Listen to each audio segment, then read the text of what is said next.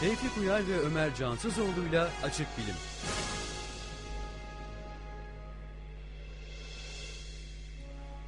İyi akşamlar sevgili dinleyenler. Açık Bilim Radyo programının ikinci sezonunun ikinci bölümünde e, iki kişi olarak sizlerle birlikteyiz. Bu kadar iki yan yana geldiğine göre dilek tutabiliriz değil mi Serdar? Evet tutabiliriz. Evet tutabiliriz. Ben Tevfik Uyar. Ben Serdar Başaymaz. Yeni bir Açık Bilim Radyo programında tüm hızımızla buradayız. Ee, uzaydan düşer gibi de geldik. Ses hızını açtık da geldik. Değil mi Serdar? Evet ses hızı kimseye bir şey hatırlattım bilmiyorum ama Şu sıralar popüler bir konu. şu Bugün sıralar popüler bir konu. Evet bugün Evet. bahsedeceğiz ondan da. Serdar'ı e, nereden tanıyorsunuz? Ben hatırlatayım. Serdar bizim e, Facebook'umuzun daimi yorumcusuyken e, tanıştık diyemeyeceğim. Zaten yalan savar yazar olarak tanışıyorduk. E, bu yıl biliyorsunuz biz kadromuzu genişlettik. Artık ben, Ömer Cansızoğlu, Kerem Kaynar ve Serdar Başemez olmak üzere dört kişiyiz ama dördün muhtelif ikili, üçlü kombinasyonları. iddia oynayan okurlarımız buna sistem diyorlar. sistem yani dördün ikili, üçlü kombinasyonları. Bazen belki dörtlü hani olur mu? Olur yani. Olur mu olur yer var burada. Evet burada hani burada maksat ne? Ee, artık ben de bir gelmediğim bir hafta olsun ya. Senin gelmediğin haftalar Harbiden vardı ya. ya. Bir hafta program hafta. yapabildiler. Sonra tekrarı vurdular. Yok o hafta bir, bir Mayıs'a falan da denk gelmiş. Öyle Onunla miydi? da alakası var. Sonra bir de evet bir tekrar girdik arada falan. Yani ee, neyse öyle işte. Bak övünmeyi de İyisin. sevmem. iyisin Ya ben işte. çok mütevazı ben böyle örnek oluyorum ya işte Çok. dinleyenlerimize değil mi? Çok. Şimdi tabii Facebook e, sayfamıza önce duyurularımızı yapalım. Bizleri nereden takip edebiliyor dinleyenlerimiz? www.facebook.com bölü Acik Bilim Radyo. Bu adresten ya da Twitter'dan değil mi? Twitter'da da ya bu var ya F klavyeye az kalsın şey oluyordum. Bir de bizim Twitter adresimiz var. Twitter'da ise sadece Acik Bilim. Orada Acik Bilim Radyo yok. Ee, bu adreslerden bize bir şeyler yazdığınız zaman ki şimdi biz Facebook'a bir şey açacağız. Ee, bir başlık açacağız bunun için. Bizlere ulaşabilirsiniz. Yine Twitter'da bahsetmek ya da Boğaziçi Üniversiteli dinleyenlerimiz için söylüyorum mention etmek. Serdar top sana. E, Evet. Mention etmek e, durumunda olursanız bizler de bu mesajları okuyacağız. Nedir bu bazı kişilerle çekemediğin arkadaşım? ya? Abi ben İTÜ'lüyüm ben öyle Boğaziçi. Tam ben de İTÜ'de master yaptım da yani İşte sen ondan anlayamazsın beni. Ben Boğaziçi'nde master yapmadığım için gıcık, Anladım. gıcık olma Tamam, özgürlüğümü oldu. elimde tutuyorum ya. tamam oldu. Evet Serdar, e, sen ABD'den yeni geldin. evet temaslarda bulundum çeşitli. Ne temaslar? Nasıl temaslarda bulundun? Bize bir anlat. Tabii hepsini anlatamam. Yok hepsini anlatırsan programın konusu Serdar ABD'de olur. Ayşegül şeyde gibi vardı ilkokulda. Ama onun yerine biz hani genel olarak göz, belki anlatmak istediğin gözlemler vardır. Aslında Boston e, üzerine New York yaptık. E, yarı iş yarı tatil bir konferansa gitmiştik. Konferans kısmını boş verin ama gitmişken e, Yalan Savar yazarlarından Aysu e, kendisi bilmeyeyim blogspot.com'un da defalarca burada yazılarını konuk ettiğimiz blogun da sahibi. Evet. E, Boston'da genetik doktorası yapıyor. E, Aysu bize biraz Boston'ı gezdirdi. Tabii Boston'ın turistik tesislerinden çok Harvard Üniversitesi, Harvard Tıp ya Fakültesi. bir kere bak adamın Boston deyişinden bir Boston. Boğaziçi'li havası seziyoruz tamam mı şimdi? Boston değil yani. Boston değil evet. Boston. Boston E, ne, değil yap- yani. ne yaptınız Boston'da? Boston. Boston'da. Evet ne yaptınız? Neye bastınız abi? Ee, çok ilginç şeyler gördük. Ee, çok ilginç şeyler. Gerçekten. Mesela UFO ondan sonra 35 bin yıl önceki e, bir Ya Boston bir kere çok enteresan bir yer. Ee, yani Amerika'nın en büyük bilmem kaç üniversitesinin bilmem kaçı şeklinde böyle bir istatistik var. Hepsi Boston'da. Yani MIT Boston'da, Harvard Boston'da, Boston College Boston'da falan. yani bir üniversite kenti mi? Yani inanılmaz e, Bilim kenti. üst seviyede bir kent o açıdan. Ee, Bunu işte- tanımlarken başka tanımlıyordum sen az önce. Yani kilometre kare başına bilmem kaç yüz tane falan inek düşüyor diyelim. Ya da kilometrede IQ seviyesi değil mi? IQ seviyesi evet IQ ortalaması 160'ın üzerinde sanki böyle. Yani e, bayağı enteresan bir yer. Biz de e, Harvard Tıp Fakültesi'nin genetik laboratuvarını gezdik. Çok enteresan bir deneyimdi benim için. Yani kendi okulumdan laboratuvarları falan bir miktar aşinayım ama yani gördüğüm şey beni acayip şaşırttı orada. Hadi yani ya, laboratuvarlar mesela? falan çok çok güzel. Ee, imkanlar falan çok geniş. Hadi bizde imkan yok. şeklinde bir geyik vardır ya. Biz Onun gibi biz aynen. imkansız aşklar için yaratıldık Serdar. Evet. E, Aysu sağ olsun e, bir iki tane embriyo ameliyatı yaptı bizim gözümüzün önünde. İşte bir kuş embriyosunun kalp atışlarını mikroskoptan izleme şansı bulduk. E, çok enteresan. Gitmişken ya bunlardan keyif aldık diyorsun Çok, Amerika'ya gitmişken çok. yani işte ineklik de böyle bir şey abi. ineklik yani. böyle bir şey ya da Abi çok heyecanlı ya. Yani canlı bir embriyo ameliyatı izlediniz ha. Canlı bir embriyo ameliyatı. Süper ya. Şey, süper.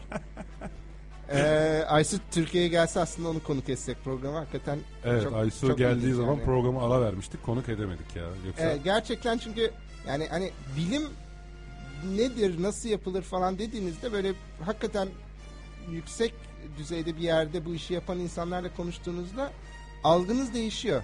Farklı bir şey hissediyorsunuz, farklı bir şey görüyorsunuz ve gördüğünüz çok mutlu ediyor sizi gerçekten. Tabii abi bak yorumcu olarak gitmiştin, yayıncı olarak döndün. Evet. yani şu an düşündüğün Evet. zaman bayağı büyük bir fark var yani. Yani şu yol parasını diye konuşalım. Onu program konuşuruz canım. Yani Evet. şey e, yani artık hani sen bir sefer cebinden ver. Sonra hallederiz. Aa, yani karşı, karşıda oturuyoruz ya. Ben Sen karşılığında çubuk kraker alacağım abi. Aç acıyla başlattılar zaten Evet. programı. Bir çay verdiler o kadar. Bu arada tabii bizi internetten dinleyenler var, e, radyodan dinleyenler var. Tüm dinlenme imkanlarımızdan da bahsedelim. Her şeyden önce biz İstanbul'da değil mi? 91.6 frekansından yayın yapan Radyo 24'te yayınlanıyoruz. Bundan sonra her çarşamba 20.15'te burada olacağız. E, hala programımızı salı günü yayınlandığını düşünen bazı dinleyenlerimiz varmış çünkü.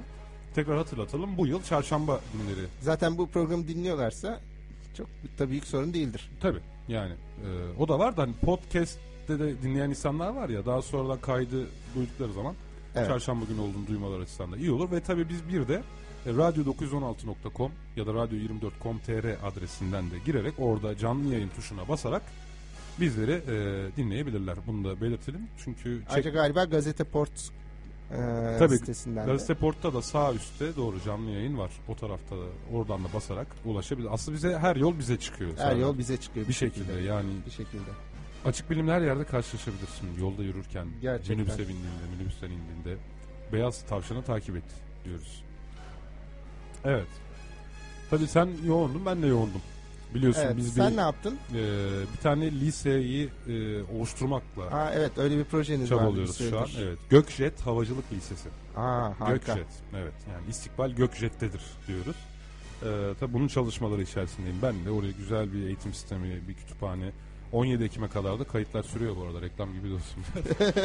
yani e, ileri düzeyde havacılık eğitimi henüz liseden başlatmak üzere böyle bir proje yaptık. Sanırım bazı ilkler de içeriyor değil mi sizin lise? İçeriyor. Mesela biz her sabah ücretsiz kahvaltı e, sunuyoruz öğrencilerimize. Evet öyle bir televizyonda röportajını izlemiştim. Tabii bunu yani Çok da sırf artistikti. gelmek sırf gelmek için bu konuyu burada açıyorsun biliyorum. Evet. Tamam. Tamam abi. Senin o yol parası mevzunu k- kahvaltı karşılığında halledebiliriz. Tamam kahvaltı okeyiz. Ondan sonra e, tabii şey ağırlıklı bir İngilizce eğitimimiz söz konusu. E, bir de zaten çok şey havacılığın kalbi denen bir bölgede yer alıyor okul. E, bu sebeple de e, öğrencilerimizi hani şey sektörün içerisindeki insanlar eğitecek zaten. Ama bu esnada zaten biz de çevreyi şöyle bir kolaçan edeceğiz. Ben bir şey merak ediyorum ya. Yani Tabii. eee, şimdi bu motoru söküyorlar, eee, uçağın bakımlarını yapıyorlar bilmem ne. Bir Evet. sürü bayağı bir proses var orada değil mi? Yani Çok fazla. çok ciddi bir yük var. Bir Evet. uçağın özellikle yolcu uçaklarının falan bir de Tabii, tabii, uymaları gereken böyle tonlarca eee Prosedür özel var. prosedür var. Hı hı. Eee, İngilizce aklıma geldi. Söylemeyi Procedure. utandım. Procedure var. Yok. Serdar. Eee, şimdi orada tabii mühendisler çalışıyor. Çeşit çeşit. Hı hı. Bir de teknisyenler çalışıyor değil mi? Sizin hedef kitle bu teknisyenler aslında orada çalışan. Aslında teknisyenler çalışır. Ee, yani mühendisle teknisyen ayrımı çok kalmıyor. Kalmıyor. Çünkü mühendislerin de mühendis olarak bak, bir bakımı onaylayabilmesi için C kategori teknisyen lisansı alması lazım zaten. Öyle mi? Bir anlamda teknisyenlik havacılık sektöründe çok daha farklı. Tecrübeli ve onaylayıcı personel dediğimiz teknisyen aslında uçak bakım mühendisine denk geliyor Avrupa'daki karşılığıyla. Yani o bir e, uçak bakım mühendisi. Senin anlayacağın dilden söyleyeyim. E, Aircraft Maintenance Engineer. Anladın mı? Engineer. Engineer. Sen Engineer. hangi, hangi şeyle konuşuyordun? Aksanla Amerikan. Bu aksan konusunda da şey aklıma geldi. Şimdi engineer dedin ya. eee, şeyde İngiltere'ye gittiğimde bayağı zor anlar yaşamıştım. Geçen İngiltere'deydim başka bir konferans için. ve- Anlaşılmıyor değil mi? Anlaş. Yani şöyle ben Galler'e gitmiştim. Eee Cardiff'e ve Card yani ben hayatta en korktuğum şey gittiğiniz yerin mesela İngilizcesiyle e, oranın yerel dili arasında ciddi bir fark olması. Yani şöyle düşünün. Mesela bir yabancı geliyor buraya işte Bursa'ya geliyor mesela. Ama Bursa'da yaşayanlar Bursa'ya Pırtsa falan gibi bir isim takmışlar. Farklı söylüyorlar falan. Ve anlamıyorlar. Yani adam geliyor mesela İngilizce bakıyor Bursa diye okuyor. Mesela Bursa falan diye böyle bir kendi dili döndüğünce anlatmaya çalışıyor. Evet. Anlatamıyor. Anlamıyorlar falan. Yani Cardiff'in öyle bir özelliği var. Ee, dilleri çok kötü. Dilleri çok garip yani. Cardiff'e ne diyor onlar? Tam hatırlamıyorum ama Cardiff'le alakası olmayan bir şey öğrenemedim de yani. ben sana Saçma şöyle bir anımı şey. anlatayım var ya bak çok oturacak. Ee, şeydeyim. Kosova'dayım, Prizren'deyim tamam mı? Aha. Ondan sonra o zaman e, genel kurmayın basın turu vardı. Onunla gitmiştim ben bir askeri dergide çalışırken. Neyse orada işte duruyorum. Derken bir amcayla konuşayım dedim falan. Nerelisin dedim. Rizeliyim dedi. Aa Rizeli misin dedim. Evet Rizeliyim dedi. Ben konuştum falan hemen o zaman e, Kanal D'nin kameramanı e, vardı bir de sunucusu vardı İbrahim abi falan. Abi dedim ya Rizeli bir adam var burada şu. Aa hemen gidelim falan. Az sonra geldiler sen bizle dalga mı geçiyorsun? Niye? Şimdi adam Prizrenliyim diyor. Ha. Ama aynı senin dediğin gibi onlar o- bunu öyle bir söylüyor ki bir de şiveleri de gerçekten Karadeniz şivesine de benziyor. Adam Preze, Rizeliyim diyor yani. Başta bir yutarak P ben söyleyemiyorum şimdi. Benim de böyle bir anım vardı. Hani yeri gelmişken şey yapayım dedim. Bilmiyorum. Seni çok eğlendirmedi farkındayım Evet ama. anılardan başladık. O zaman konumuza gelelim ya. Gelelim. Direkt. Konumuza gelelim. Bugün e, aslında radyoda bir format değişikliğinden de bahsettik biz sabahleyin seninle konuşurken. Onu da aktaralım istersen dinleyicilerimize. Tamam. E, genelde geçen sene e, radyo programını eskiden yapanlar diyelim. Eskidik ya. Ee? Eski, eskidiriz. Eskiden yapanlar Evet. e, bir içerik belirliyorlardı. Onun etrafında e, dönüyorlardı. E, bu sabah da konuştuk Yani aslında. şöyle değil yani bir içerik belirliyorlardı. Onu dilleri döndüğünce aktarmaya çalışıyorlardı değil. Evet, bir içerik belirli etrafında dönüyorlar. Dönüyorlardı. Vay vay. İşte böyle yaparlar. Evet evet. Bu arada Evet. son program yani söyle, dinleyicilere söylemek istediğim bir şey var mı? evet. Ee, bu sefer Tevfik'le de konuşurken yani programın formatını biraz daha şöyle değiştirelim dedik. Yani uyar uymaz beğenmezsiniz beğenirsiniz eleştirileri de bekliyoruz geri bildirimleri bu konuda. Ee, her program o haftanın olayları, bilim haberleri, e, saçma bilim haberleri, komik bilim haberleri, Sözde bilim haberleri. sözde hatta. bilim haberleri. O hafta işte mesela Açık Bilim'de yayınlanan yazılardan belki bir tane seçip e, anlatırız. Ya konular etrafında dolaşalım. Yani daha güncel. Evet. Ha, arada çok güncel bir konu olur.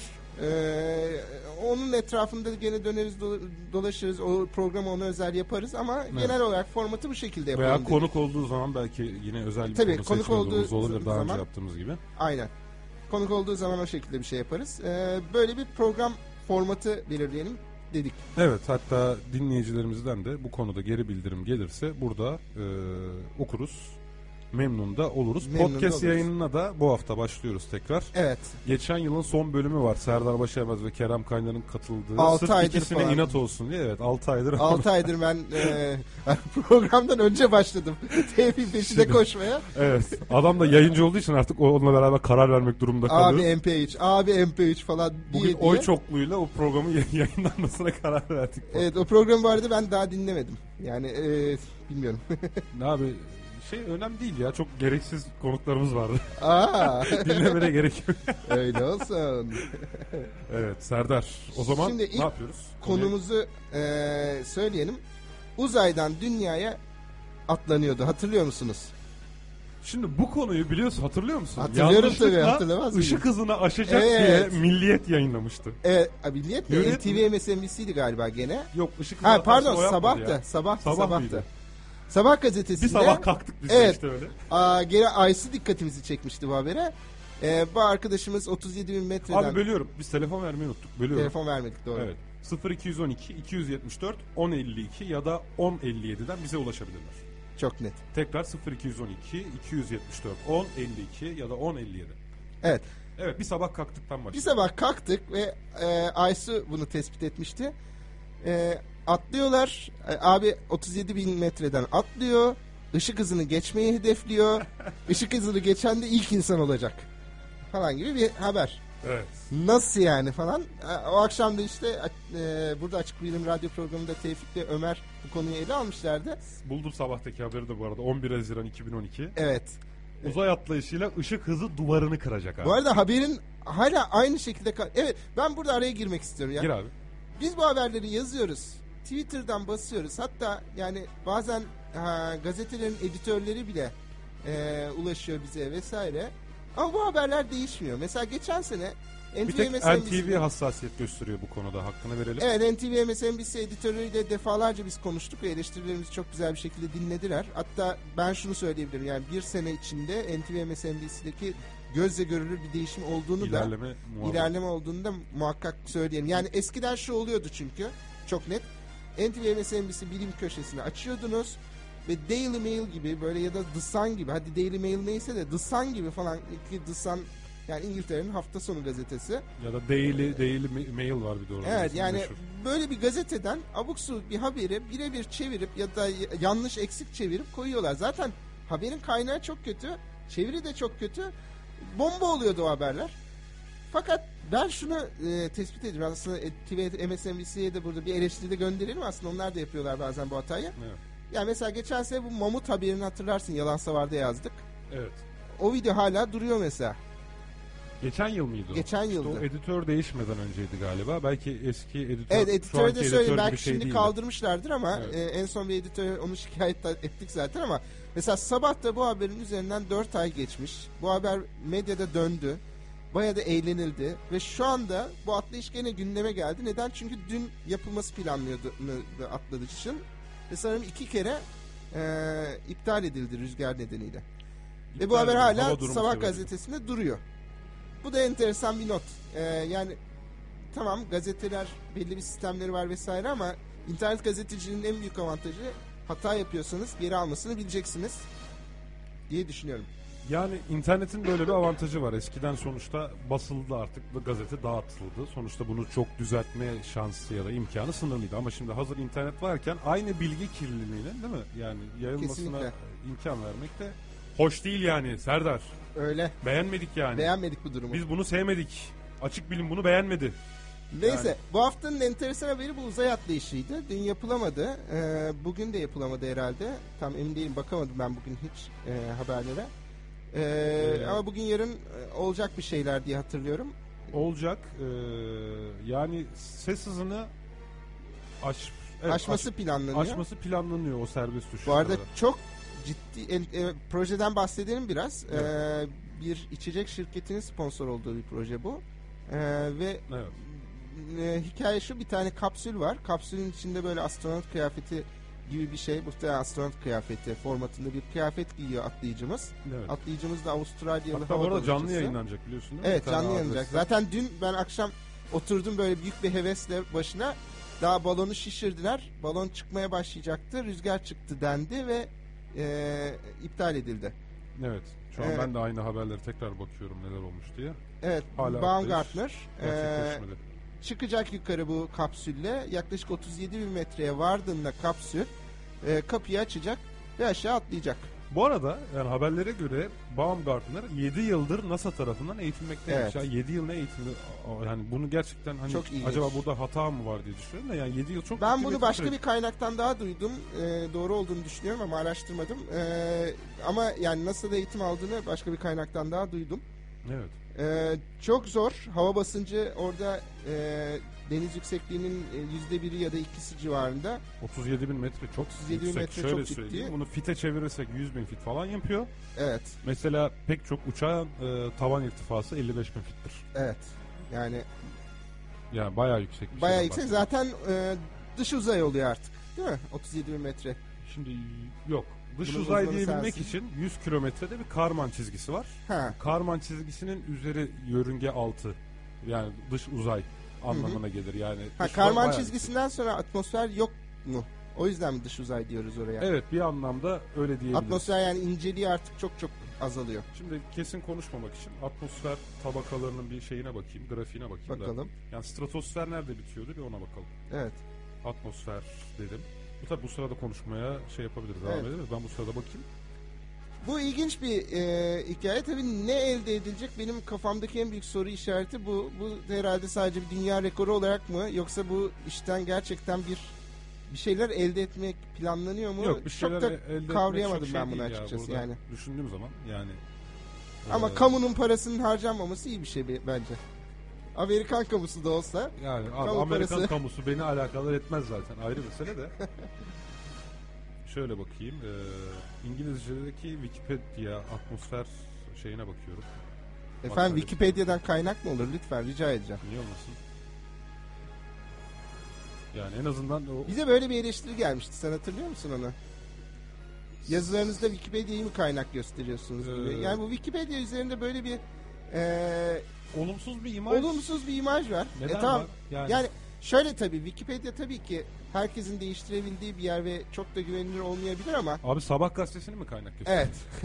Şimdi Işık şöyle bir- diye. Ha biz yalansa vardı mesela bu eleştiriyle zaman zaman karşı karşıya kalıyoruz. Sen de biliyorsun ki bizim nasıl çalıştığımızı biraz anlatmak lazım orada. Evet. Yani Wikipedia'dan bir bilgiye baktığınız zaman Wikipedia'nın özelliği bu bilgileri veriyor ama altında kaynaklarını da veriyor. Tabii. Wikipedia'da hatta, kaynak belirtilmeli diye bir uyarı vardı. Aynen. Kaynaksız bilgileri. Hatta Wikipedia'da bazen bir şey okurken şöyle bir ibare görürsünüz. İşte citation needed der. Yani adam yazmış ama emin değil. Onun hakkında kaynak da bulamamış. Ya başka bir arkadaş da bunu bir kaynağa koysun gibisinden bir uyarı koyar diğer editörlere Evet. falan. Dolayısıyla bir bilgiye baktığınız zaman yani kritik düşünce olarak baktığınız zaman size ters geliyorsa hemen ne yapıyorsunuz? Gidiyorsunuz o kaynağı buluyorsunuz. O kaynaktan teyit etmek Evet. durumundasınız. Yani Wikipedia'nın kaynaklarını da zaten teyit ediyoruz biz pek çok zaman orada araştırma yaparken. Bu sırada şeye de ulaştım. Ee, stratosfer 50 kilometrede bitiyor zaten. Ondan sonra mezosfer başlıyor 85 kilometre. Dediğim gibi e, 100 kilometre Karman çizgisi dediğim nokta. Onun onun üstü dış uzay sayılıyor zaten. Auroralar da orada gerçekleşiyor. Kutup ışıkları Ha, var ya. evet. O Ee, kutup ışık- ışıklarından evet. aslında biraz bahsetmen iyi olabilir. Çok ilginç bir fenomen bu. Evet onun ışının bir yazısı vardı hatta. Belki Aa, onun evet, üzerinden bahsedersek şey olur. Sen bu sırada aç istiyorsan ben şu şeyden bahsedeyim. Stratosfer e, 50 kilometreye kadar olan kısım 20 kilometreden başlıyor hemen hemen. Troposfer e, düşündüğümüz zaman. Dolayısıyla bu Baumgartner stratosferden atlayacak anlamına geliyor. Bu Hı hı. Stratosferde bu arada basınç o kadar da şey değişime uğramaz.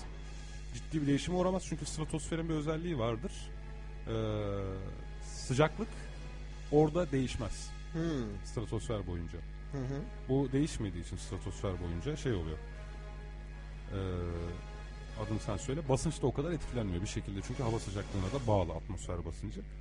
Dolayısıyla e, niçin 37 bin kilometrenin seçildiğine belki de Baumgartner'ı ucuz bir şekilde yukarıya çıkarmak açısından bakabiliriz yani. Muhtemelen evet. Bindiği Yani hava aracı sonuçta onu Çünkü oraya balonla çıkartıyorlar, çıkaracak. evet. Hava balonları e, stratosfere kadar çıkabiliyorlar zaten. Onun üzerine çıkamıyor bu arada hava balonları. evet. Bu arada biz e, buraya gelirken şeyi konuşuyorduk. Türkiye'de son zamanlarda bu konuda böyle güzel bilgiler derleyip toplayan bir sürü site oluşmaya başladı. E, sen bunları Bilimsel söylerken konular evet, değil mi? Benim aklıma da Facebook'ta Kozmik Anafor grubu geldi. Evet. Kozmik Facebook'taki anafor. evet Kozmik Anafor kim yapıyorsa eline sağlık. Gerçekten. Muhteşem. Bugün ben de Muhteşem mesaj ötesi. yazdım.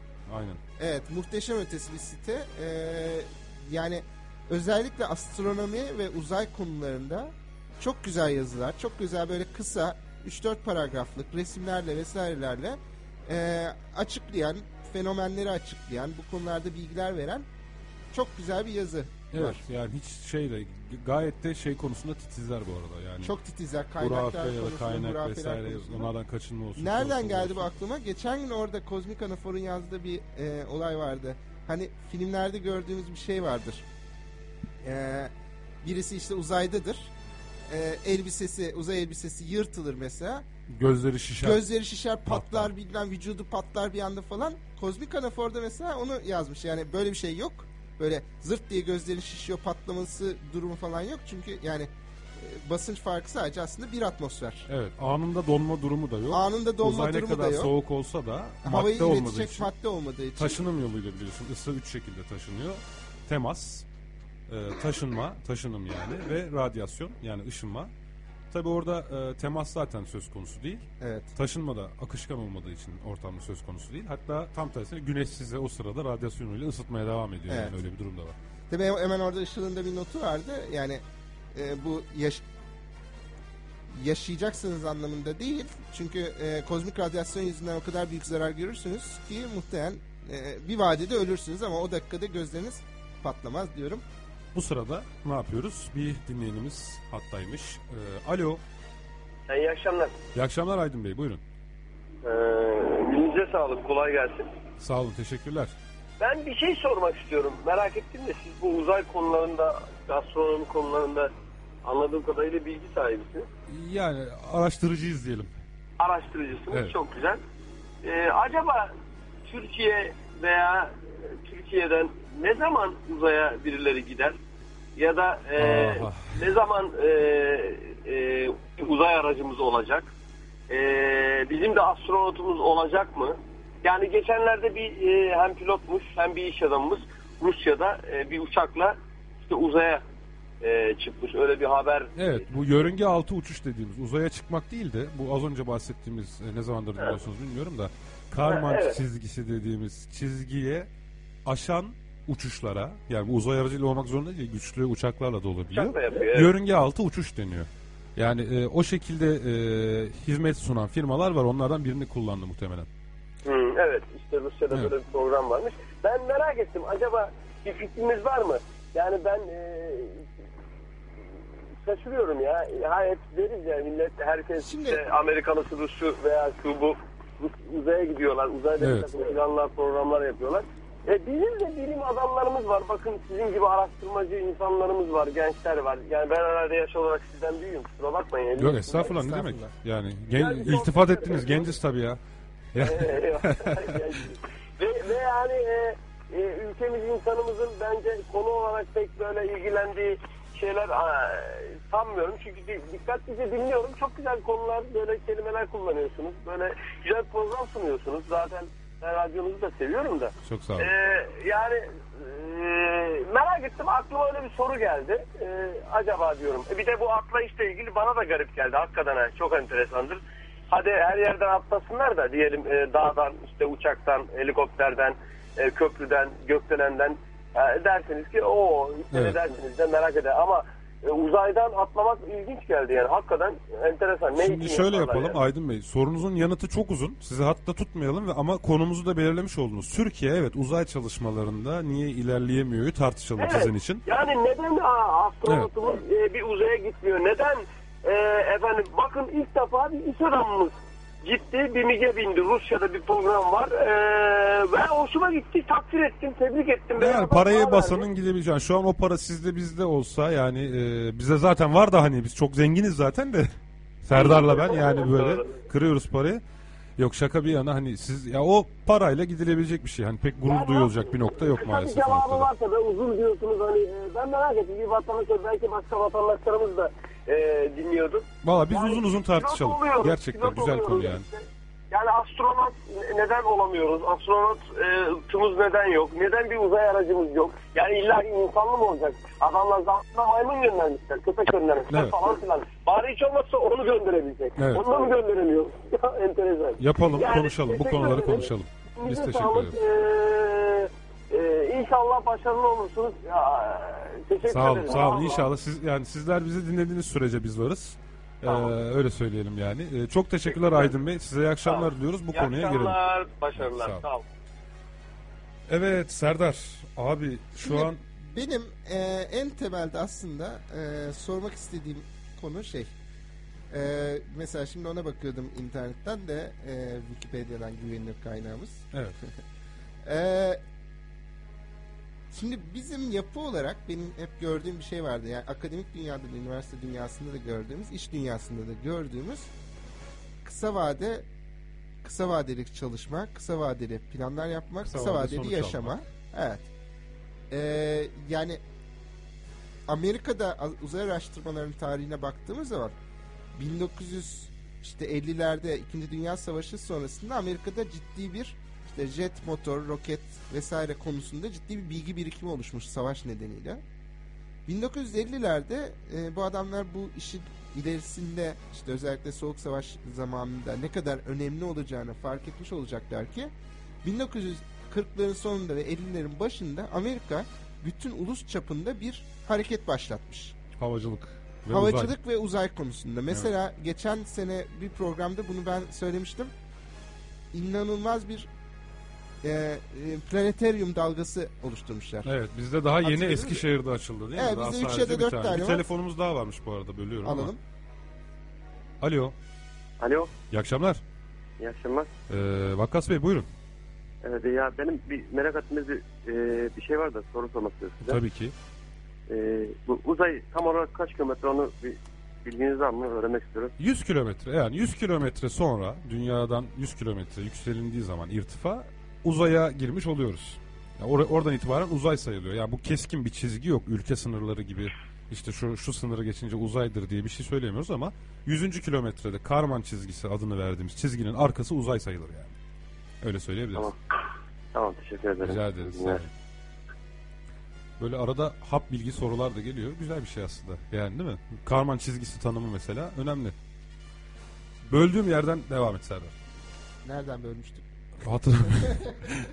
şey şey planetoryum dalgası dedik. Evet planetaryum dalgası. Planetoryum ne demek? Planetaryum- Gezegen evi olarak Türkçe'ye çevirebiliyoruz. Evet gezegen evi yani e, yarım küre şeklinde olabilir. Böyle e, böyle bir kesit küreden de olabilir. Yani tepesi yuvarlak olabilir, düz olabilir. Bir tane kocaman bir projeksiyon sistemi düşünün. Bir Görsel gibi. olarak Evet. kendinizi uzayda hissedebildiğiniz. Aynen içine değil mi? oturuyorsunuz. Projeksiyon sistemi size yıldızları vesaireleri gösteriyor. Orada bir animasyon planlanmış. Evet. mesela e, işte bütün Gezegenlerin yıldız, büyüklükleri, gezegen dağılımları yapıları. vesaireleri gösteriyor. Böyle yatarak izleniyor böyle genelde. Hafif Yatıyorsunuz evet böyle yatarak hafif. izleniyor falan. Ee, şöyle bir önemi var bunun. 5 yaşındaki 6 yaşındaki çocukları okul gezilerine gezegen evlerine götürüyorsunuz. Bu çocuklar 5-6 yaşlarında falan e, bu kavramlarla yoğruluyorlar. Uzay, Evet. e, gezegenler, astronomi bunların büyüleyiciliğiyle yoğruluyorlar. Ne mutlu ki şu an Eskişehir Büyükşehir Belediyesi'nin inşa ettiği bir tane var. Kesinlikle bunun reklamını da Gaziantep'te de var bildiğim kadarıyla. Bir tane de Gaziantep'te de varmış. Onu görmedim, diğerini gördüm ama. Sırf onun için gittim yani. Evet. E, dolayısıyla yani bu 50'lerden başlayan e, manyakçasına bir şey. Şimdi mesela benim önümde Apollo programı var. E, Apollo programı 1960'ın sonlarında e, hazırlanmış. 25 Mayıs 1961'de kongreye sunulmuş. 50'lerin sonlarında hazırlanmıştır o zaman. 60'ların değil. E, pardon 60'ın Evet. sonlarında hazırlanmış. 1960'ın sonlarında Ha, hazırlanmış. 1960 yılının sonlarında. Yılının sonlarında hazırlanmış. 61'de kongreye sunulmuş. Ee, 69'da bildiğiniz kadarıyla Ay'a çıkıldı. Apollo Ye- 11'de, evet, evet. 72 yılına kadar e, sürüyor. Yani 11 yıl sürüyor. Yani bu 11 yıl boyunca yani öncesinde bir altyapı hazırlamışsınız 10 küsur yıl boyunca 11 yıl sürece de bir program planlamışsınız. Ve aya ayak basmışsın. Ve aya ayak basmışsınız sonunda. Yani e, bunun için harcanan parayı bırakın. Sadece bunun planlanması hem organizasyonel hem finansal hem lojistik hem teknolojik planlanmasına Ama o zaman bilgisayarlar yoktu Serdar. Bilgisayarlar bugünkü gibi hızlı değillerdi. Aya sadece Newton denklemleriyle gidildiğini biliyorsun. Evet. Sadece Newton denklemleriyle Yani Ay'a gidildi. vardı ama tabii biz bil- bildiğimiz Hesap anlamda makinesi şeklindeydi. değildi, yani evet, çok yani. da e, iler ileri durumda değildi. Bugün e, çok basit yani eskiden yapılamayan türde hesaplar yapılıyor. Şimdi bugün şu çubuğun mesela elimde tuttuğum çubuğun e, üzerine yük bindirdiğim zaman burada oluşan gerilimleri eskiden bilgisayar 3 günde hesaplıyordu. Evet. O senin dediğin tarihlerde. Şimdi 2 dakikada analiz 2 dakika değil. üç 5 günde, saniyede yani. e, hesaplamasının nedeni iki gün sıra bekliyordum. Ha o tabii o da var. Bilgisayarda azdı vardı. ama işlem düşün ki sene şu an Pentium diyorsun Intel Pentium 4 GHz istiyorsun. Reklam Saniyede 4 trilyon işlem demek. Abi para aldık sen merak etme. tamam o zaman. Çıkışta bekliyorlar bizi yemeğe götürecekler. Ee, neyse sorusunun cevabına gelirsek peki Aydın Bey sen şeyden eğitim bence biraz insanların çocukken heveslendirilmesi, devlet Yani- politikası bunlardan bahsettin. Şimdi ben değil mi? şaşırıyorum. Mesela ben çocukken astronot olmak isterdim. Ben Sen de. ister miydin? Ben de. Aysu da öyleydi konuşmuştuk Evet bunu. konuşmuştuk ve mesela şimdiki nesilde öyle bir e, şey yok. E, çocuklarda öyle bir yapı görmüyorum. Mesela neden olabilir diye çok düşündük hatta konuştuğumuzda da şey işte bizim çocukluğumuzda mesela işte bilim kurgu öğelerini içeren filmler çok popülerdi. Ve buraya da döndüğümüzde bu da Amerika'nın bir yansıması aslında. Yani bizim sinemada seyrettiğimiz, televizyonda seyrettiğimiz her şey bildiğiniz gibi Amerika'nın kültürel yansıması olduğu için Bir anlamda öyle evet. Evet. Orada çünkü 70'lerde 80'lerde bu kültüre o kadar basmıştı ki bu kavram, bu uzay kavramı. E, Dolayısıyla da e, uzayla böyle bir aşinalık var. Yani tek başına bunu parasını verelim, yaptıralım gibi bir anlayışla değil. E, uzun süren devlet stratejisi halinde planlamalar, kaynak aktarımları, organizasyonel oluşumlar falanla açıklayabiliriz. Bence e, birçok insan şunu tartışıyor. E, neden? Şimdi abi ben yerli uçak konusuyla ilgili e, bir ara böyle bir tartışma vardı hatırlarsın. Özellikle 10. Ulaştırma Şurası'ndan sonra. O zaman bir köşe yazısı yazarken şöyle bir analizde bulunmuştum. Bakalım sen ne düşünürsün. Bu iş için 3 tane K lazım. K harfi. Hani böyle pazarlamacılar yapıyor ya 4P falan. Ben de dedim madem 3K yapayım. Birincisi 2K olursa satmaz. 4K işte olursa, 2K olursa olmuyor. patlar. 3K. 3K. İdeali, optimumu. Hepsinin hatta hangi iki K'nın olması halinde İsteyen neler olduğunu anlattım. Bakalım senin hoşuna gidecek mi? Birincisi kararlılık olacak abi. Bahsettiğin şey senin dediğin kara- e, devlet politikası var ya kısa vadeli uzun vadeli. Kararlılık demek uzun vadeli siyasi irade demek. Yani bir şeyi yapmaya kararlı olursanız bu 20 yıl sürecekse dahi başka iktidarlar e, başka e, partiler iktidara gelse bile hükümetler değişse bile bu kararlılık kesinlikle varlığını koruyacak. Birinci şart bence budur. Evet kesinlikle. İkincisi kabiliyet. Kabiliyet ne demek? İnsan kaynağın buna kabil olacak. Ee, ülkendeki sanayi şartları buna kabil olacak. Finansal olarak buna kabiliyetli olacaksın. Üçüncüsü de abi kendine güven. Halktan destek görmeyen bir proje asla ve asla başarılı olmaz. Yani kabiliyetin varsa, kararlılığın varsa ama kendine güvenin yoksa devrim arabaları projesindeki şey olur Evet. kabiliyetin yoksa kararlılığın ve iraden varsa yapamazsın. Uzar gider süreç tamam mı? Bir türlü şey yapamazsın ve dışarıdan satın almak zorunda kalırsın en nihayetinde. Eğer ki kabiliyetin varsa, kendine de güvenin varsa, kararlılığın yoksa bir süre sonra zaten e, hükümet değişince projede rafa kalkacaktır. Yani Türkiye'nin bugüne kadar başına gelen şeyler hep buydu. Fakat pek çok noktada şu an biz zaten treni kaçırdık. Şimdi ben buradan bir şeye geleceğim. Bu konuda çünkü çok eleştirildim daha önce. Hatta çok telefon görüşmeleri de yaptım. Türk Hava Kurumu Üniversitesi daha önce astronot yetiştireceğim dediği zaman ben yazılarımda hatta burada radyo programında ya bizim bir uzay programımız yokken neye dayanarak astronot yetiştireceksiniz diye E, sormuştum. astronotu ne yapacağız? Ne yapacağız bir de? Bankada mı çalışacak? Ben Evet. aslında astronottum diye. Yani bizim neden astronotumuz yok, bizim neden uzay aracımız yok sorusunun Aydın Bey'in cevabı aslında ilk ön cevap akla gelecek. Bizim bir uzay programımız yok. Türkiye Cumhuriyeti'nin resmi bir uzay programı yok. Varsa da ben bilmiyorsam bilmiyorum sen biliyor musun? Ee, görünüşe göre TÜBİTAK'ın bir e, uzay araştırmaları e, enstitüsü gibi bir şey var ama yani web sitesine baktığınız zaman aslında niye bizim bir uzay programımızın olmadığını da anlıyorsunuz. Mesela ben de bakayım. Ee, Var çok adresi? dar, küçücük bir web sitesi. Ee, içinde doğru düz bir şey yok. Çok kısa kısa dedin? şeyler TÜBİTAK, geçmiş. Uzay Uzay www.uzay.tübitak.gov.tr Gov.tr. bakalım. Ee, şu ara tabii TÜBİTAK'ın önüne gelen programları e, uydu.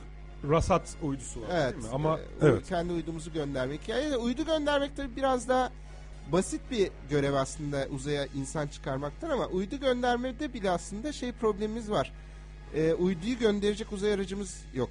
Yani Roketimiz uyduları yok yani. yapıyoruz ve e, götürüp işte e, Avrupa Uzay Ajansı'nın ya da başka ülkelerin uzay ajanslarının e, roketleriyle göndermek zorunda kalıyoruz. Şimdi kendi roketin dahi olsa gönderimi mecburen bu arada onlarla yapıyoruz. Neden? Çünkü en ucuza roket gönderme yolu Evet, ekvatordan göndermek. E, evet, o da var. Şimdi ekvatordan göndermek zorundayız.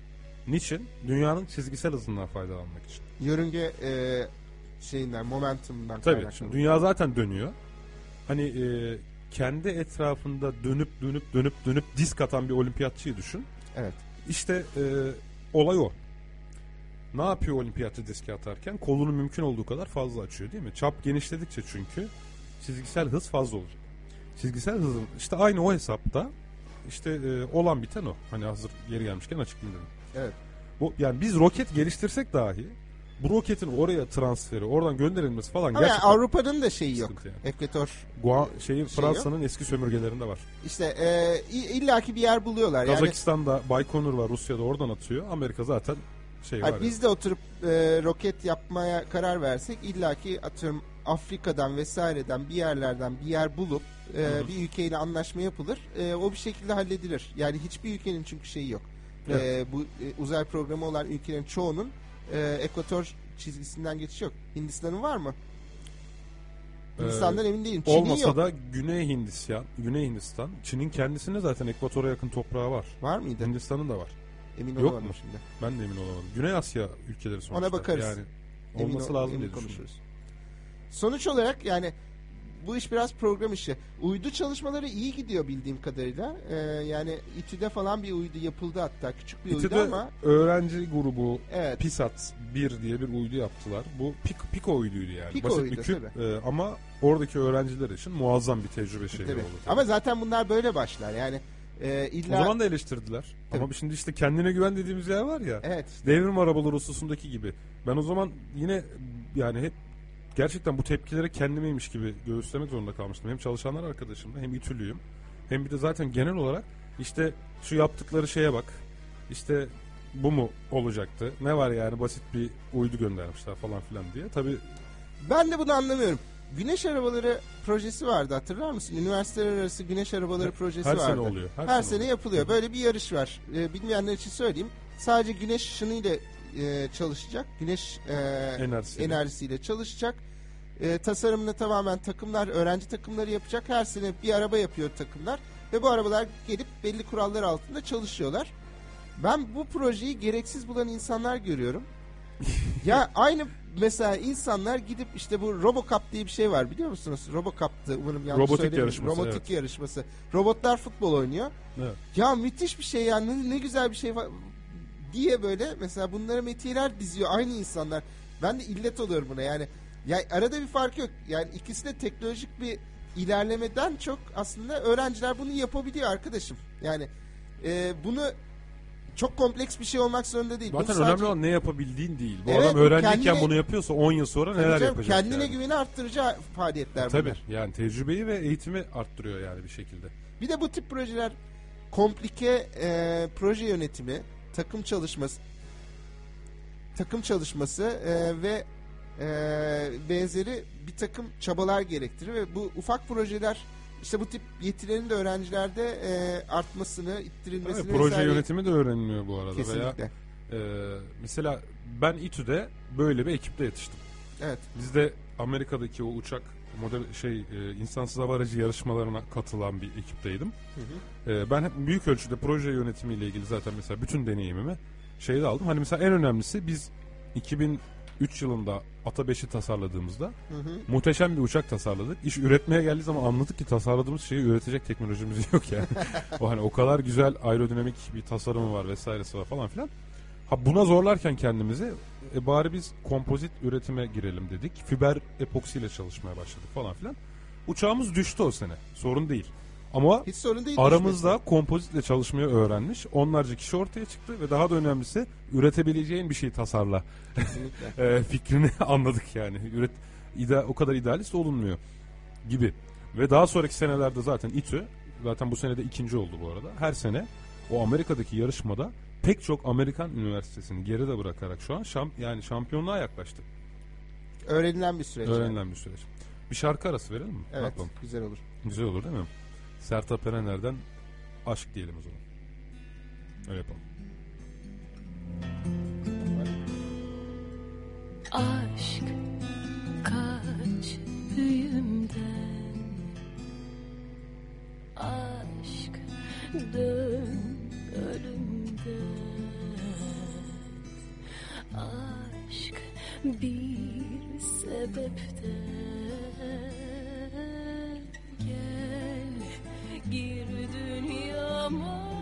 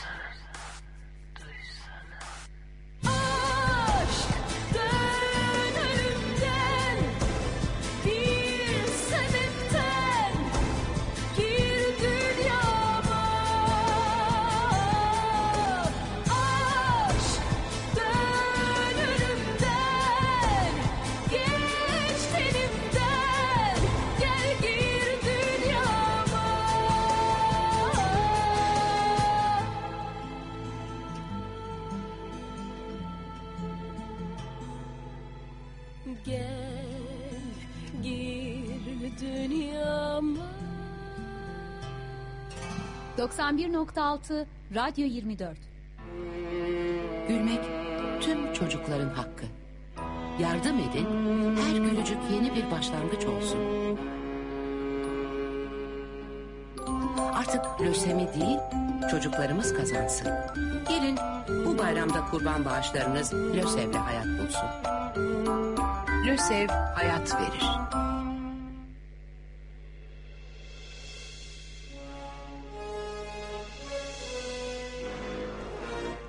Tam tam tam tam. Evet Serdar. Bu müziği seviyorum ya. Bir ara verdik. Ee, Radyo 24'te çarşamba günleri 20.15'te yayınlanan Açık Bilim Radyo programının ee, şarkıdan sonraki kısmındayız. Değil İkinci kısım diyebilir miyiz buna? İkinci kısım diyebiliriz. Ben Tevfik Uyar. Ben Serdar Başemez. Ee, ciddi konulara devam ediyoruz. Çok ciddi kaldık galiba Çok çok ya. ciddi kaldık ya. Artık böyle hayat çok komedi haline geldi ya. Değil mi? Ülke yani böyle çok komik şeyler oluyor işte. Haberler komik, olan bitenler komik. Ya haberlerimiz çok komik ya. Ee, Türkiye'de zaten düzgün bilim haberi yayılmıyor. Yani 3-5 tane aradan görebildiğimiz haberin de yani böyle hakikaten komik olması. Hemen bir örnek verelim. Mesela NTV MSNBC'den seçtik yine ama hiçbir şeyimiz yok. Kusura bakmasınlar. özel bir kastımız yok yani. Kastınız yok. Niye NTV MSNBC? Ben daha önce bunu yalan vardı bir kere yazdım. Bilim Ya biz- kategorisi var çünkü. Bilim kategorisi olan tek haber sitesi. Bir. ikincisi Takdir biz ediyoruz. ondan çok şey bekliyoruz. Değil mi? Evet yani ben şahsen NTV grubundan çok şey bekliyorum bu konuda. Ee, bilim kategorisinde. Çünkü NTV bilim gibi çok güzel bir işe imza attılar sonradan iptal etmiş olsalar da. Altın üreten bakteri bulundu. Haberin başlığı bu. Altın üreten bakteri bulundu. Altın üreten bakteri bulundu. Yani bir, bir çeşit darphane bakterisi diyebilir miyiz buna? Ee, simyager bakteri. Simyager bakteri. Ne Simyager. yapıyor bu bakteri? Bu bakteriyi koyuyorsunuz tak bir külçe altın üretiyor. Ben de aynı haberi açtım. Haberi şeyde Facebook grubumuzda e, şey paylaşsın internetten bizi dinleyen okurlarımız için de. Paylaşalım. E, altın üreten bakteri. Ben de şimdi Google'a altın üreten bakteri yazıyorum. Yazdım. Amerikalı bilim insanları kimyasal maddeyi som altına çeviren bir bakteri buldu. Şimdi bak şöyle bir hata yapmayalım. Başka yerlerde de çıktı. Belki bu bir ajans haberidir. NTV de oradan almıştır. Yok yok muhtemelen zaten öyle. Çünkü bak postada da var. MyNet haberde de var. Tamam mı? Ee, bakıyorum. Evet mesela postada da var. Altına iniyoruz. Bakıyoruz. Anadolu Ajansı'nı görüyoruz. Ha şimdi o zaman e, hemen tabii NTV MSNBC'den hala çok şey bekliyoruz ama e, bence şeyimizi düzeltelim. Bu bir Anadolu Ajansı haberiymiş abi. Haberi şöyle bir okuyacak olursak sen paylaştın mı? Ben paylaşayım olmazsa paylaşıyorum. Ondan sonracıma bir dakika bizim internetten bizi takip eden dinleyenlerimiz de habere ulaşsınlar diye ben söz konusu haberi internetten paylaştım. Şimdi haber der ki Michigan Eyalet Üniversitesi Mikrobiyoloji ve Moleküler Genetik bölümünden Profesör Kazım Kesefi ile doçent doktor Adam Brown ürettikleri kompakt laboratuvarda Cupriavidus metallidurans bakteriler ile doğada bulunan zehirli bir kimyasal sıvı olan ve hiçbir maddi değeri olmayan altın klorürü bir araya getirdi. Bakterinin altın klorürdeki zehirli ve atık maddeleri yediği ve bir hafta içinde kimyasal maddenin %99.9 oranında som altın külçesine dönüştüğü gözlendi. Evet şu ana kadar iki tane hata görüyoruz.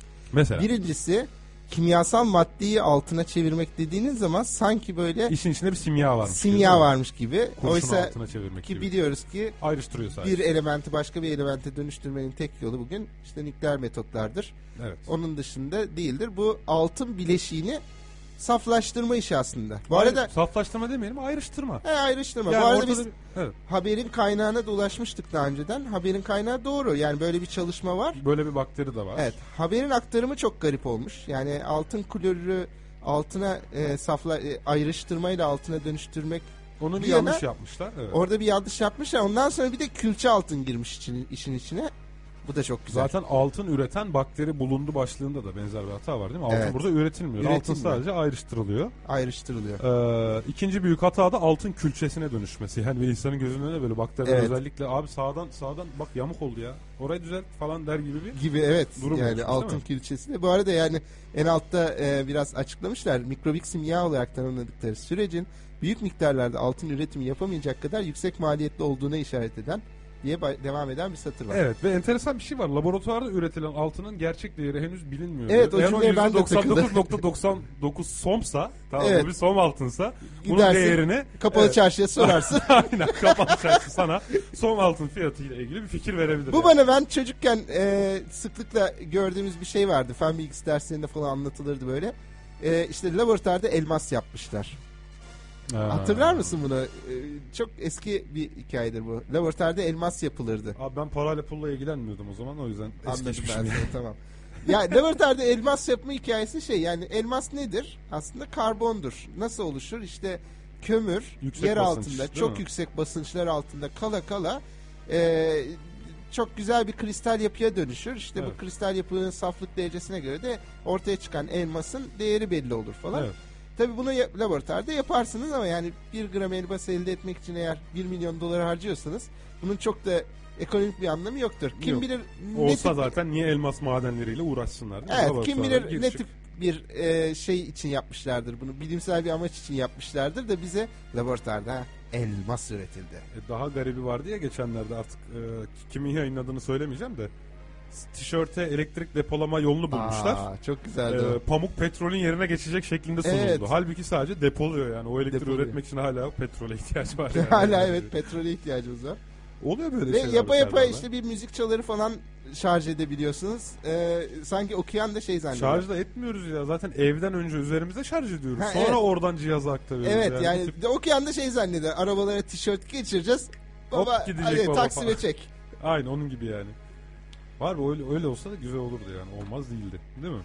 Çok güzel Neyse abi yani. bu bakteriden bir miktar eve alabiliriz o zaman. Bir miktar eve almak lazım gerçekten. Yani bu bakteri kültürünü değil mi? Bize bol bol altın üretsin. Simyager bakteri. İşleri ne?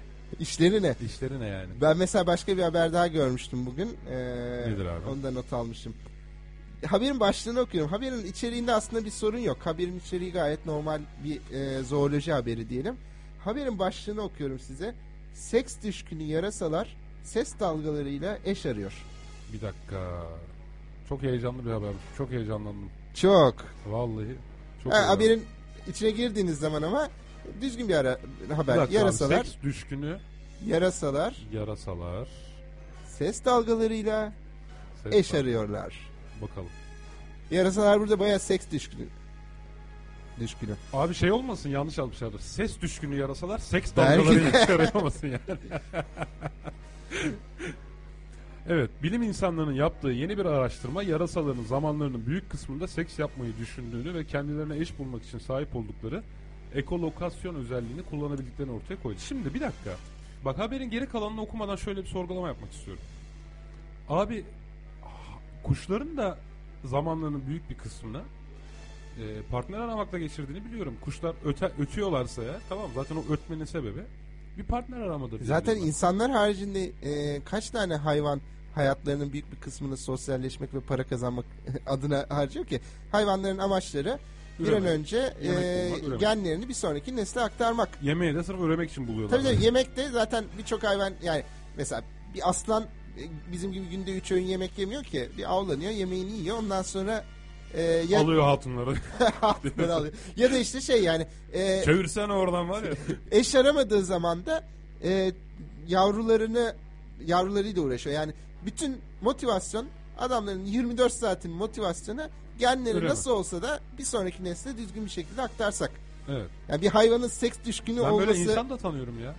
yani evet tanırsın senin çevreni bilemem de Peki kendilerine eş bulmak için sahip oldukları ekolokasyon özelliğini kullanabilme kısmına gelelim. Şimdi yarasalar zaten göremiyor.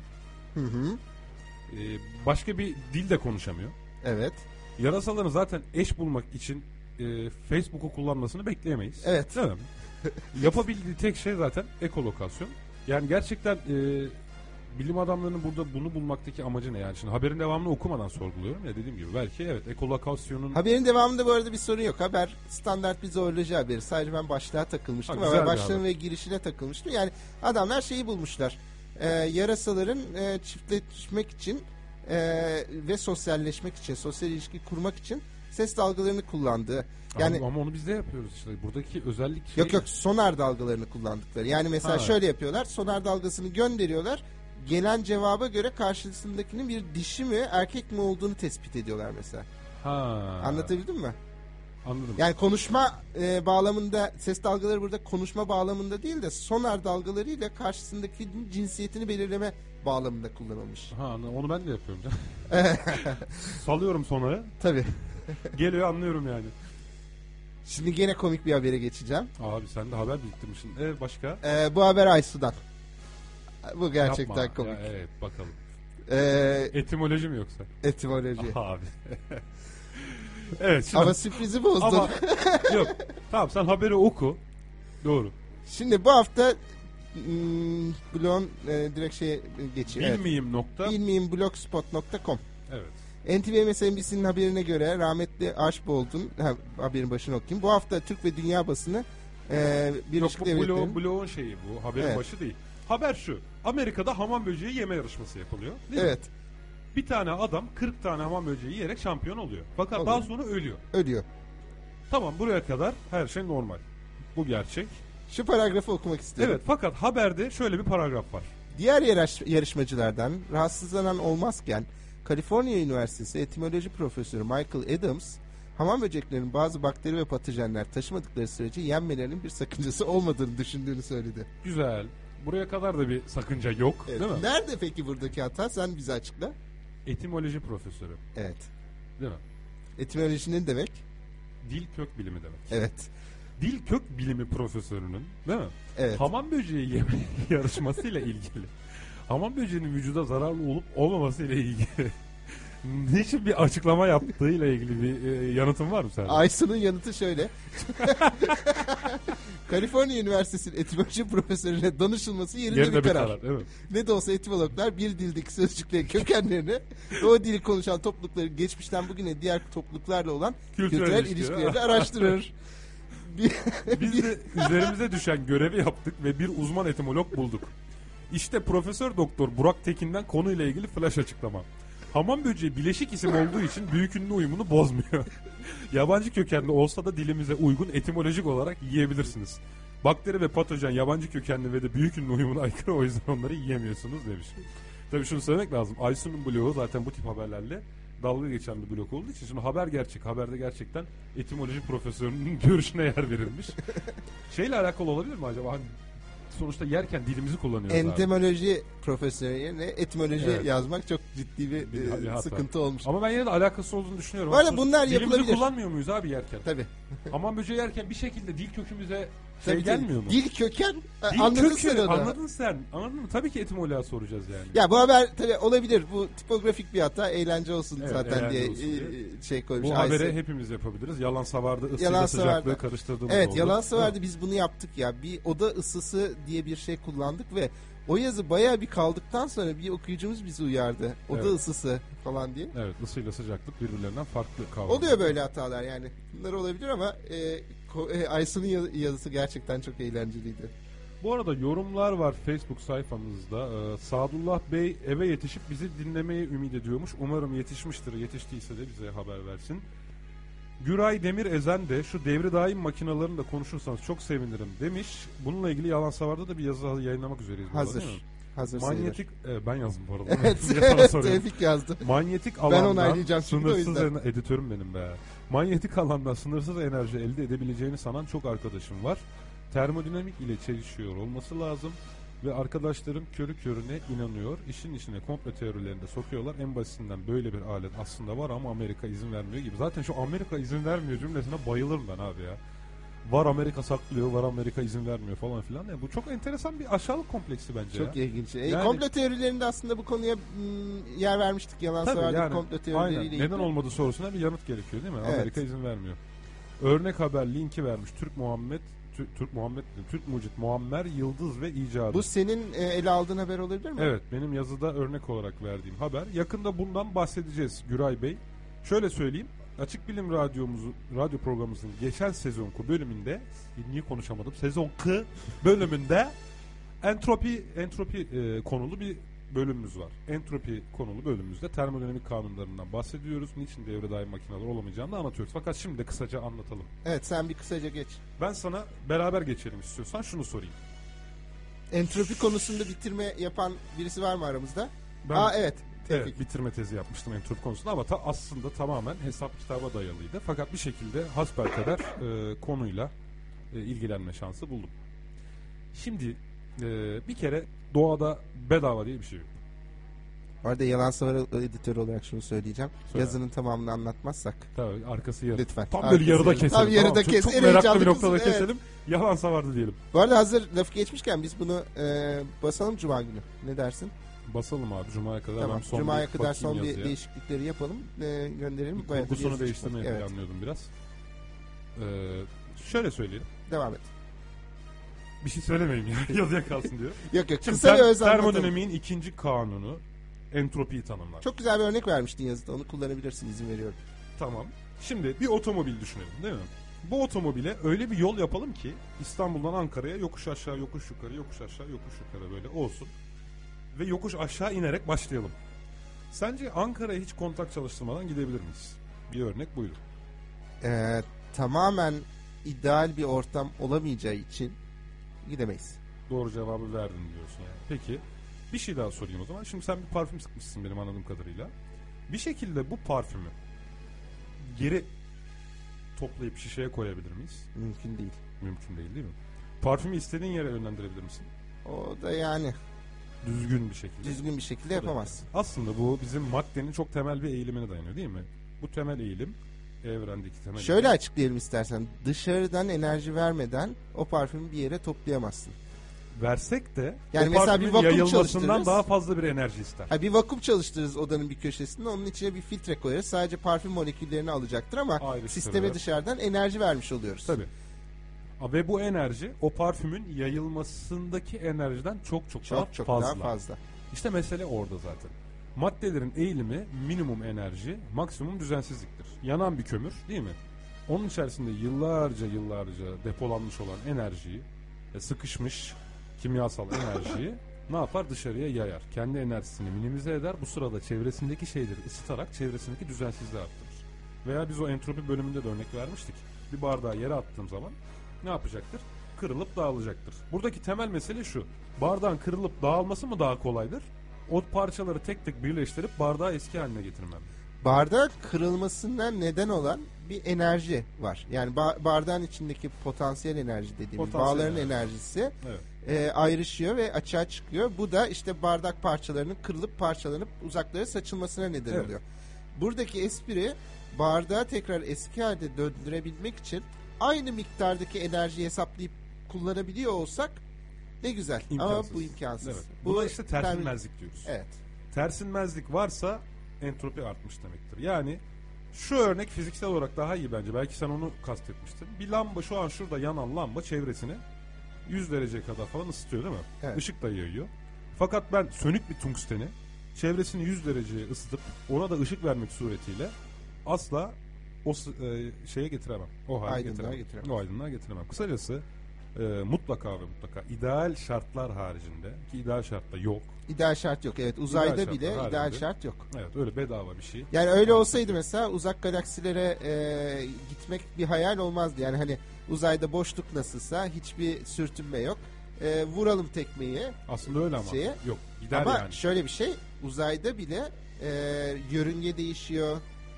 Ge- Atalet. şey atalet e, prens- e, şey var toz var uzay tozları var bunların yarattığı bir takım etkileşimler var yörüngelerden kaynaklanan belli durumlarda işte ileri sağa geri çekmeler var vesaireler var. Trafiğe kapalı Dolayısıyla- alan olması lazım. Yoksa Evet. o olmaz o iş. mümkünat yok. Yani ancak e, ancak bile değil. Yani her yerde çünkü bir yer çekimi etkisi var. Dolayısıyla e, mesela işte gidecek şeylerin bile e, az miktarda bir yakıtla gitmesi mümkün ama hiç yakıtsız bir vuralım tekmeyi gitsin durumu e, idealde yok. Yani ideal bir durum dünyanın hiçbir yerinde, uzayın hiçbir yerinde, kainatın hiçbir yerinde yok. Evet şimdi mahsustan böyle karışık anlattık ki anlaşılmasın. Yazıya yazıya çekelim. Yazıda iyi anlattık Yazıda valla. iyi anlattık valla. Bu da böyle ama yani gerçekten yazıda daha iyi şey. Bu, Bu arada, arada Çağrı, Çağrı Yalgın, Yalgın. evet. Çağrı Yalgın çok güzel bir yorumda bulunmuş. Dinleyemiyorum ama bağlantıyı gördüm. Kimyasal madde altına dönüşmüş diyorlar. Kimyasal olmayan maddeler hangileri? Altın kimyasal değil mi? Kimya dersinde görmüştük gibi. Evet bu arada evet kimyasal madde yanılgısı Şimdi- vardır ya. Evet, ben bu konuya da bir Evet el atayım. Çünkü benim de takıntılı olduğum konudur. mi? Tevfik bilir. Sav- Ee, ne derler işte? Ee, aha, sabuna falan. Ha, sabun mu kullanıyorsun? Ay o sabunlar tamamen kimyasal. Bak burada organiği var.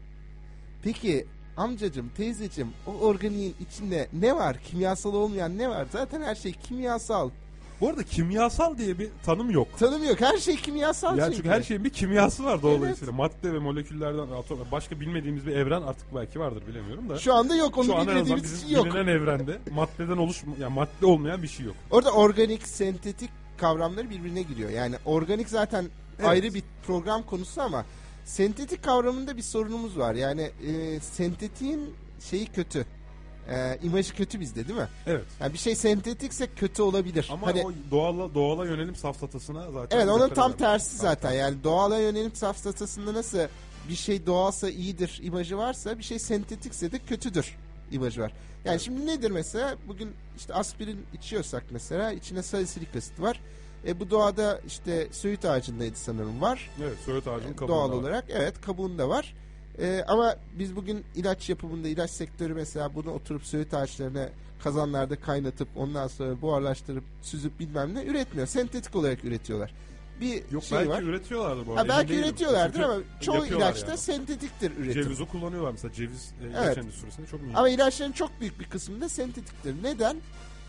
Madde aynı madde. Maddenin iki hali arasında hiçbir fark yok. Aynı molekül. Biri sentetik, birisi doğadan elde ediliyor. Çünkü sentetik üretmek çok daha birçok durumda çok daha basit. Evet. Molekül eğer basitse çok basit bir kimyasal proses bulunuyorsa üretmek için sentetik olarak üretiyorsunuz. Mantık olarak evde yaptığımız yoğurt da sentetik oluyor zaten. Mesela. O da kimyasal bir dönüşüme uğruyor çünkü.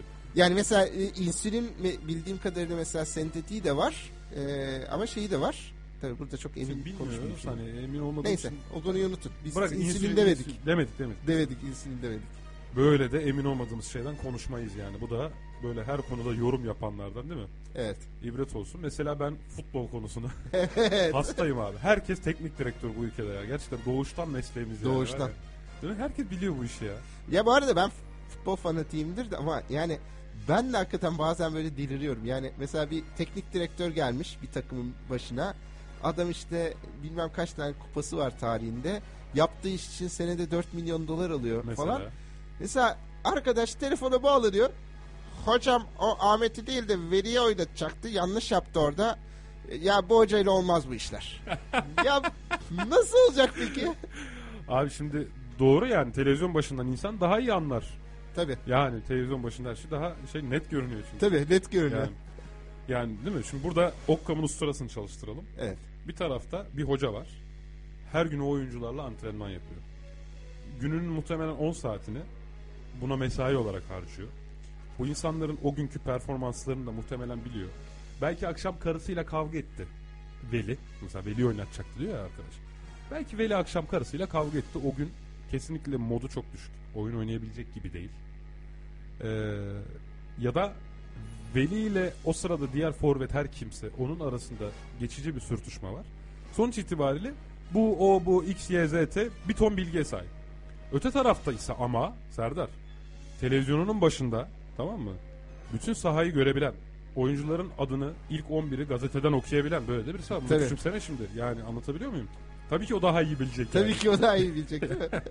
e peki Rıdvan Hocam ne düşünüyorsun bu derbi hakkında? Hangi derbi abi? Bilmiyorum abi. Şu madde vardı o mu? Bali derbi falan. derbi ben abi merak ediyorum. Bilmediğim için soruyorum gerçekten. İki büyük takım oyna, oynamasına mı derbi denir? Aynı ya şehrin buna iki karar takımı mı? veremediler. Yıllarca bize anlattılar. İki büyük e, bir büyük şehrin iki takım oynarsa bu derbi olur Yani diye. İngiltere'de öyle deniyor çünkü. değil Tabii mi? tabii. Yani Sonuçta ama Türkiye'de İngiltere. mesela Trabzon Beşiktaş maçına da derbi deniyor mesela Ama niye? yani. Yani işte her seferinde de aynı geyik yapılıyor. O zaman her Trabzon- ülkenin derbisi başka mıdır? Her Belki ülkenin de. farklı bir derbi kavramı var. belki de evet. Mesela Afrika'nın hiç bilmediğimiz bir ülkesinde e, birincilik ve ikincilik takımı oynarken varsa Mesela o da ikilik yani. İkilik ona varsa- derbi deniyor olabilir mi mesela? Belki de. Biliyor musun? Niye Afrika'ya Evet. örnek veriyorsun? Ee, kıta olarak daha fakir bir kıta. Nedense hep Afrika örnek verilir değil mi? Ama çünkü çok şey- Avustralya örnek verilmez mesela. ama Avustralya'da çok batı Anglo-Sakson kökenli böyle şey bir Gerçi Güney Afrika'da hani Afrika diyeceksek. Asya desek bizimle karışır. O yüzden Tamam vermiyorum. Asya şimdi biz Asya'dayız. O Kol kırılır yen içinde Kol- hani ge- geri kaldılarsa bile onlar bizim kıtamızdan abi yani koruruz. Tabii Afrika daha dramatik sonuçta. Burada bulunabilirlik etkisi var. Hani Evet. Neticede Afrikalı çocuklar için şarkı yapılır. We are the world falan filan. İşte Afrikalı e, çocuklar için kampanyalar düzenlenir. UNICEF'ten de mi insanın aklına Afrikalı çocuklar gelir falan. Yani bir şekilde bu bir mem olarak fakirlik, yoksulluk Afrika gelişmemiştir. Bir de yani dünya, evet dünyanın en gelişmemiş kıtası bu arada bilimsel olarak yani bilimsel verilere baktığın zaman Afrika yani. Aa, Bilimsel veri değil de matematiksel veri diyelim ona. Peki evet bilimsel ölçüm. Evet. Yani, e, ulaşılan Bakın matematiksel veri. Çok güzel bir Kim- tartışma kimyasal konusu. ülke. Matematik bilim midir? Hadi bakalım. Matematik bilim midir? Matematik bilim midir? E, matematik bir yöntem yani. Değil mi? Ben bu konuda konuşamam. Benim eşim matematikçi olduğu için. Eve girip girememem de eve, eve sonuçlanabilir. giremem falan yani. Dinliyor mu ki yenge? Dinliyor olabilir bilmiyorum. Çocuklar uyumuştur. Valla e, sen konuşma o zaman da. Yani Ben konuşmayayım sen konuş. ya matematik bilimin kullandığı dil yani bence. Hani matematik bilim midir derken matematikte bilimdeki yöntem var mı? Teori, İşte gözlem zaten sorun vesaire. orada. Sorun yok böyle Evet şey yok yani, yani. deney gözlem gibi bir şey yok. Çok çalışmadım yerden sorun Serdar Çok. ya. Böyle- evet buna bak- çalışıp gel. Lütfen gelecek Yok hafta. matematik bilim değil ya. Matematik bilim değil. Değil evet. yani. Disiplin diyebiliriz belki. Disiplin de demeyelim. Matematik değil yani. Ya orada Yol. çizgi çok net Kırklar de kapısı. mesela sosyal bilimlerle e, doğal bilimler arasındaki çizgi çok net değil. Abi onunla Orada çok büyük problem var. Birbirimize gireriz biz. Senle Girer miyiz? masada girdik. Kimle girdiniz? Senle ben. Yok Kerem'le ben. Ha, Pardon, Kerem'le sen- Kerem'le ben. Evet orası Kerem gelsin öyle tartışalım. Kerem gelsin. Siz benim üstüme gelin cinayet daha dramatik olsun. Bu arada programımızın da sonuna gelmişiz abi. Şaka Ha, gelmişiz vallahi. falan derken hemen bir Facebook, Twitter'ı bir son kez kontrol edelim. Herhangi bir şey yok. Ee, Bu arada arkadaşımız e, yorumlarını yorumunu silmiş. silmiş. Evet, Güray Bey Enteresan. yorumlarını silmiş. Ama ses kaydı olarak sonsuza kadar var olacak Evet. ya. Ben screenshot almıştım galiba. Öyle mi? Notere çıkışta onaylatalım abi. Tamam, hatırlat oldu. da. Evet. eee, şu halde Cevabımızı mı beğenmedi acaba? bilmem belki de belki de bilmem niye cevabımızda ne vardı ki? Neyse. Kendimi çok kötü hissettim. ya. Ben de kö- kötü hissettim. Facebook'u kapatmış meğer. o Olay- kadar Olaydan sonra gitmiş ya. Facebook'u kapattı. Evet. eee, şu halde çarşamba günleri 20.15'te 91.6 frekansından yayın yapan Radyo 24'te yayınlanan Açık Bilim Radyo programının ikinci bölümünün sonuna geldik. Nasıl cümleydi? Çok büyük Süperdi değil mi? çok büyük cümleydi. Büyük cümleydi evet. Ee, Bu Ben- arada ikinci bölüm mü yoksa geriden saymaya devam mı edeceksiniz? Ona da bir karar verin. O zaman 35 37. bölümde oluyor. Yani böyle daha bir şey köklü bir program imajı Ke- doğurabiliriz. Sezonun ikinci kendisinin 37. Ya da 2.2 falan gibi bir şey. İkinci sezon ikinci bölüm falan. Yok yok bence 37 37 iyi 37 iyi evet. Tamam doğru söylüyorsun 37. iyi. 37. O harbiden ha yani köklü. Köklü. Değil mi? Asırlardır çağdaş. Böyle ikinci geleneksel falan oluyor Bu şimdi. yılda bir yapıyoruz zaten. 37 yıldır sizlerleyiz yani. Ee, şu halde bugün güzel bir sohbet yaptık. Ben Tevfik Uyar. Ben Serdar Başemez. Ee, haftaya aynı gün aynı saatte yani çarşamba günleri 20.15'te sizlerle birlikte olmak dileğiyle şimdilik hoşça kalın. Esen kalın. Esen bir şey de bir şey de Serdar utanma ya. Hoşçakalın. Hüzünler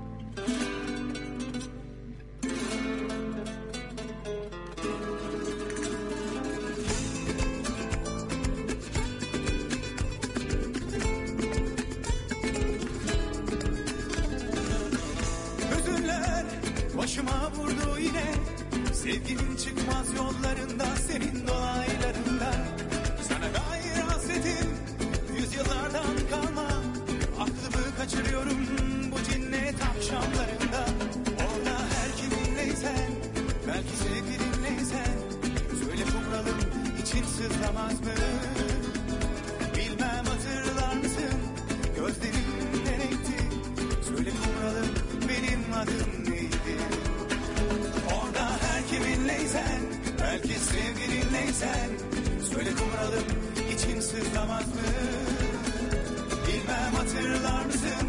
Gözlerim ne renkti Söyle kumralım benim adım